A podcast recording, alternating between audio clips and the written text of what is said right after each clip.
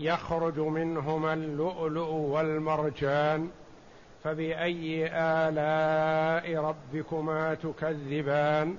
وله الجوار المنشآت في البحر كالأعلام فبأي آلاء ربكما تكذبان؟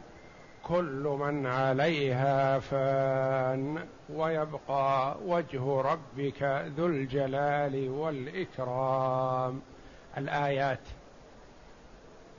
يقول الله جل وعلا كل من عليها فان عليها الضمير يعود إلى الأرض. وإن لم يسبق لها ذكر لأنها معلومة من السياق.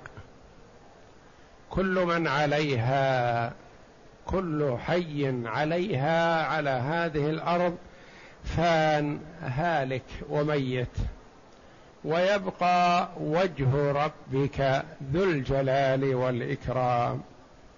يبقى وجه الله يبقى الله جل وعلا لا يلحقه فنا ولا عدم ولا نوم ولا سنة فهو جل وعلا سالم مسلم من جميع الآفات.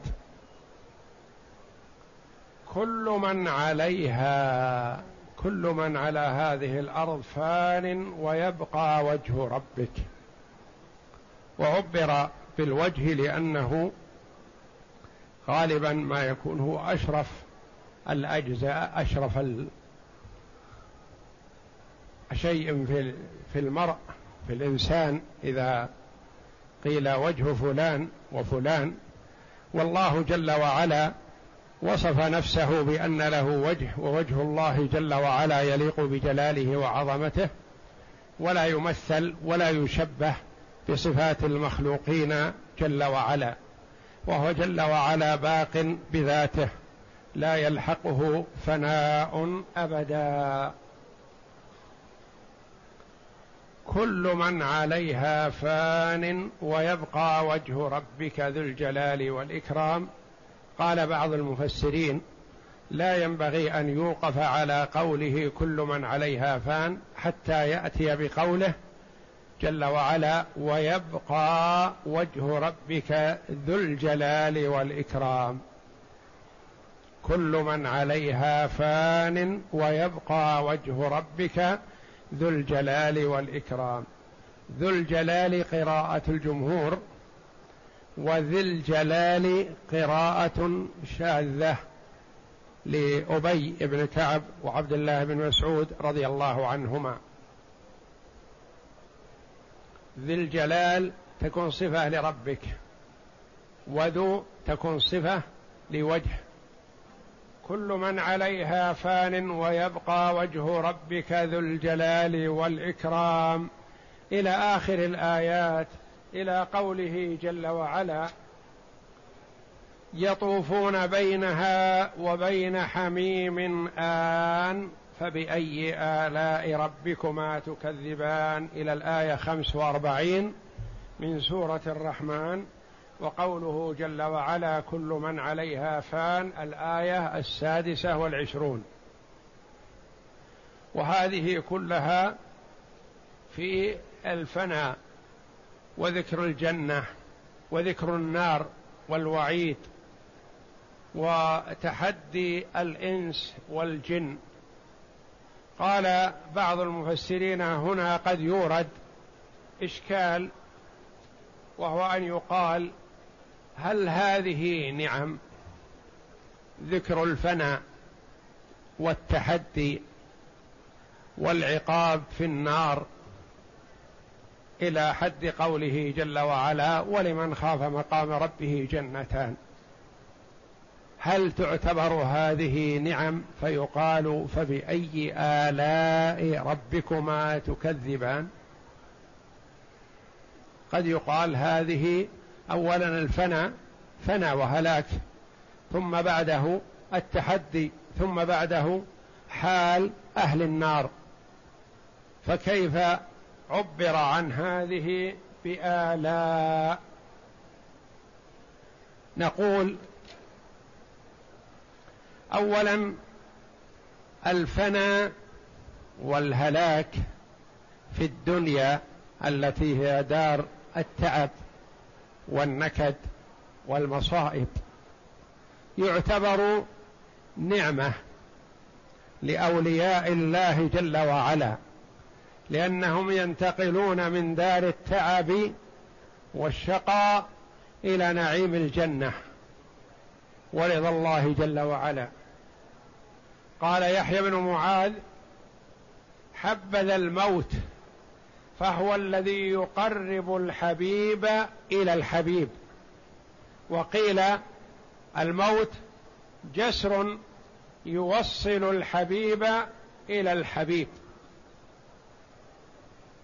فاولا كون الموت عام للناس كلهم. لا يستثني صغيرا عن كبير ولا كبيرا عن صغير. هذه نعمة في استواء الناس في هذا الأمر. ثم إنه بعد الموت المؤمن ينتقل إلى جنة عرضها السماوات والأرض. وهو في دار الدنيا في دار التكليف والعمل والتعب والجد والاجتهاد حسب ما يوفقه الله جل وعلا من طاعته. وإذا مات في أول الأمر في دار البرزخ وهي أول منزلة من منازل الآخرة. وكما قال عثمان رضي الله عنه إن كان خيرا فما بعده خير منه وإن كان شرا فما بعده شر منه. القبر. كان رضي الله عنه إذا وقف على القبر بكى حتى تبتل الأرض بدموعه. فقيل له يرحمك الله تذكر الجنة والنار ولا تكون بهذه الحالة فإذا ذكرت القبر كنت كذا. فقال إنه أول منزل من منازل الآخرة فإن كان خيرا فما بعده خير منه. وإن كان شرا فما بعده شر منه. فهو أول منزل من منازل الآخرة. إن كان خيرا روضة من رياض الجنة للمؤمن. فما بعده خير منه وهو يبشر وهو في قبره. حينما يوضع في قبره يبشر فيعرف أهو من السعداء أم من الأشقياء. ثم إن الموت فيه راحة للمؤمن حيث أنه لو عمر في هذه الدنيا وهرم وكبر لتعب وأتعب. لو بقي الناس لأتعب بعضهم بعضا. ولكن الله جل وعلا أراحهم من نكد الدنيا وعملها والتعب فيها بالموت. والمؤمن بعد موته ينتقل إلى خير. فهذا نعمة. وذكر النار وما أعده الله جل وعلا لأهلها في الدنيا ذكرها في الدنيا يعتبر نعمة يعتبر نذارة. وكون المرء ينذر في دار الإمهال والإمكان هذه نعمة عظيمة عليه. خير له من أن يباغت في العذاب وهو لا يدري. فهو يقال له إن فعلت كذا وكذا من معصية الله فمآلك إلى هذه النار التي صفتها كذا وكذا. فهذا خير له من أن يترك ثم يؤخذ في آخر الأمر بدون نذارة ويلقى في النار. وقد سبق أن مثلنا مثلا بأمثلة حسية قريبة مثلا إذا أخبر الطلاب بأنهم سيمتحنون فاستعدوا للامتحان مثلا خير لهم من أن لا يذكر لهم الامتحان أصلا ثم يفاجؤون بالامتحان في ساعة ما استعدوا. فكونه يقال لهم انتبهوا في يوم كذا وكذا سيكون الامتحان. وستمتحنون عن كذا وستكون الأسئلة صعبة. خير لهم من أن يتركوا فإذا جاءت الساعة المحددة للامتحان قيل هلموا إلى الامتحان. فإذا أنذروا في الأول نعمة لهم يستعدوا للامتحان. وإذا أهملوا وتركوا ثم فوجئوا بالامتحان ما أجابوا وما استعدوا. فذكر النار وما أعده الله جل وعلا لأهلها وبيان ذلك في الدنيا نعمة لمن وفقه الله جل وعلا من أجل أن يحذر. ولا يقع فيها على غرة ولا يقول ما علمت أن النار بهذه الصفة وما كنت أتوقع أنها كذا. فالله جل وعلا جلى أمرها وبينها للناس حتى يكونوا على بينة من أمرهم. اذا فحتى ذكر النار وما أعده الله جل وعلا لأهلها وتحدي الناس في الدنيا يا معشر الجن والإنس إن استطعتم أن تنفذوا من أقطار السماوات والأرض فانفذوا لا تنفذون إلا بسلطان. إلى آخر الآيات آيات التحدي كذلك هي نعمة للعباد ليستعدوا. إذا فتعتبر هذه وإن كانت وعيد ونذارة بالعذاب فهي نعمة لمن وفقه الله جل وعلا ليحتاط لنفسه ولينتبه لوعيد الله جل وعلا فيحذر أسباب عقابه. يخبر تعالى أن جميع أهل الأرض سيذهبون ويموتون أجمعون وكذلك أهل السماوات إلا من شاء الله ولا يبقى أحد سوى وجهه الكريم. فإن الرب تعالى وتقدس لا يموت بل هو الحي الذي لا يموت أبدا. قال قتادة أنبأ بما خلق ثم أنبأ أن ذلك كله كان. وفي الدعاء المأثور يا حي يا قيوم يا بديع السماوات والأرض يا ذا الجلال والإكرام لا إله إلا أنت برحمتك نستغيث. أصلح لنا شأننا كله ولا تكلنا إلى أنفسنا طرفة عين. ولا هذا الدعاء المأثور وقد قال عليه الصلاة والسلام فيما رواه أنس رضي الله عنه ألظوا بيا ذا الجلال والإكرام. يعني استمسكوا بها وأكثروا من السؤال بهذا الوصف الجليل لله جل وعلا يا ذا الجلال والإكرام. برحمتك أستغيث. نعم. وقال الشعبي إذا قرأت كل من عليها فان. فلا تسكت حتى تقرأ ويبقى وجه ربك ذو الجلال والإكرام. وهذه الآية كقوله تعالى كل شيء هالك إلا وجهه. وقد نعت تعالى وجهه الكريم في هذه الآية الكريمة بأنه ذو الجلال والإكرام أي هو أن, أن يجعل فلا يعصى. وأن يطاع فلا يخالف كقوله واصبر نفسك مع الذين يدعون ربهم بالغداة والعشي يريدون وجهه. وكقوله إخبارا عن المتصدقين إنما نطعمكم لوجه الله. قال ابن عباس ذو الجلال والإكرام ذو العظمة والكبرياء.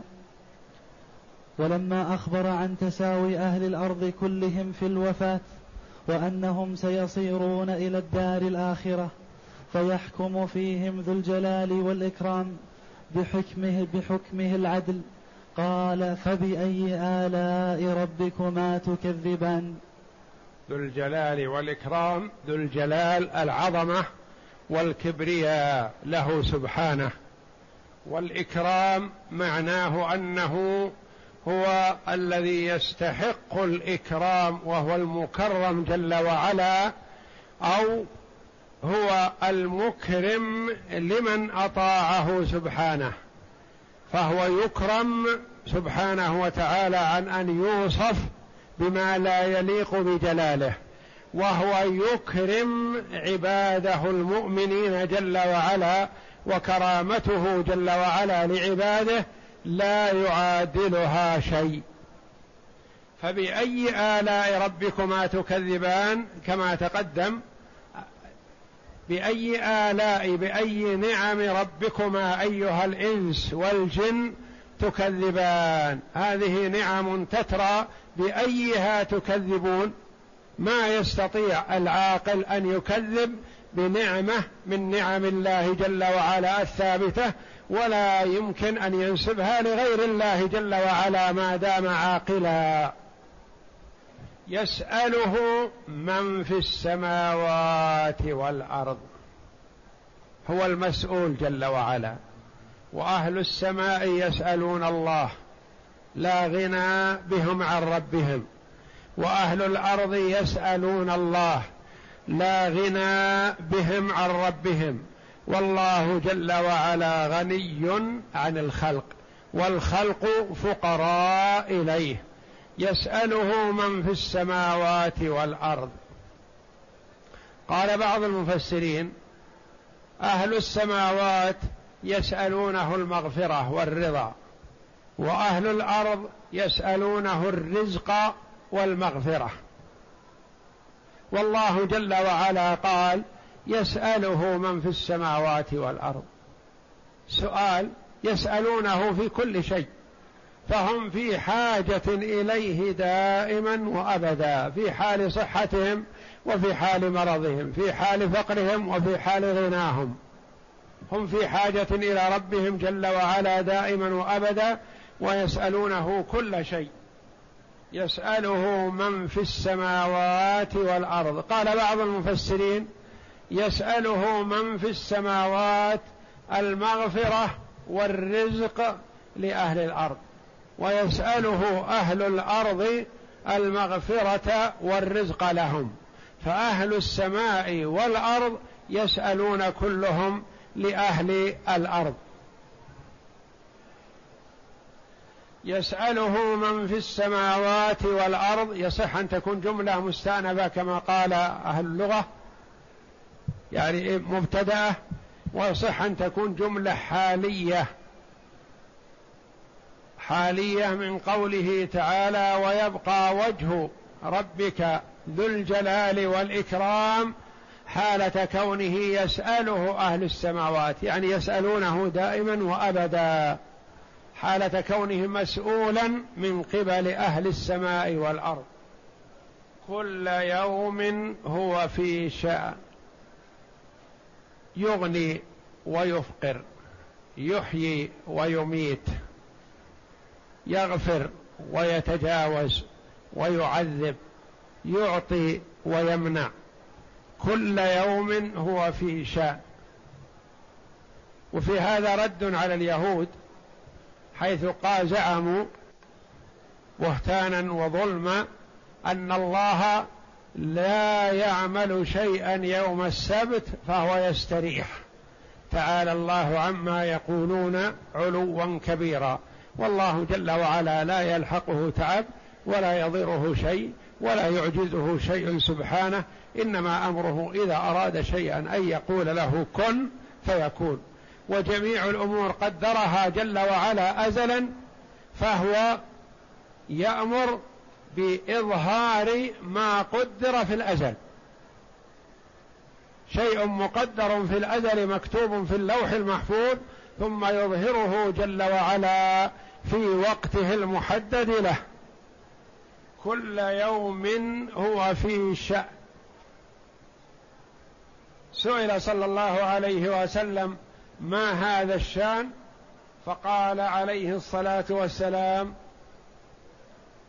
يغفر ذنبا ويفرج كربا ويرفع قوما ويضع آخرين. وقيل المراد باليوم اليوم المراد به هنا يومان. الدنيا من أولها إلى آخرها يوم وهي يوم الامتحان والعمل والتكليف للعباد. والآخرة يوم. يوم الجزاء والثواب أو العقاب. يومان عند الله الدنيا يوم والآخرة يوم واليوم الدنيا يفنى والآخرة تبقى. كل يوم هو في شأن. نزلت في اليهود حين قالوا إن الله لا يقضي يوم السبت شأنا وشيئا. وقيل المراد سوق المقادير إلى المواقيت. وقال الحسين بن الفضل إنها شؤون له يبديها لا شؤون يبتديها. يعني شؤون قدرها جل وعلا ازلا فهو يظهرها سبحانه كما قدرها في الأزل. وقيل يخرج في كل يوم وليلة ثلاثة عساكر عسكرا من أصلاب الآباء إلى أرحام الأمهات وعسكرا من الأرحام إلى الدنيا وعسكرا من الدنيا إلى القبور. ثم يرتحلون جميعا إلى الله تعالى. والله جل وعلا قال كل يوم هو في شأن ولم يحدد سوى ما ورد عن النبي صلى الله عليه وسلم أن من ذلك أن الله يغفر ذنبا ويفرج كربا ويرفع قوما ويضع آخرين. يسأله من في السماوات والأرض كل يوم هو في شأن. هذا إخبار عن غناه عما سواه وافتقار الخلائق إليه في جميع الآنات وأنهم يسألونه بلسان حالهم وقالهم وأنه لسان حالهم ولسان مقالهم لأن من العباد من يسأل بلسان حاله ومقاله وهو المؤمن الذي يسأل الله ويلتجئ إلى الله جل وعلا. ومن الخلق من يسأل الله بلسان حاله فهو في الواقع فقير إلى الله جل وعلا وإن لم يذعن لربه ولم يسأله. فهذا يسأل الله بلسان حاله. وأنه كل يوم هو في شأن. قال الأعمش عن مجاهد عن عبيد بن عمير كل يوم هو في شأن قال من شأنه أن يجيب داعيا أو يعطي سائلا أو يفك عانيا أو يشفي سقيما.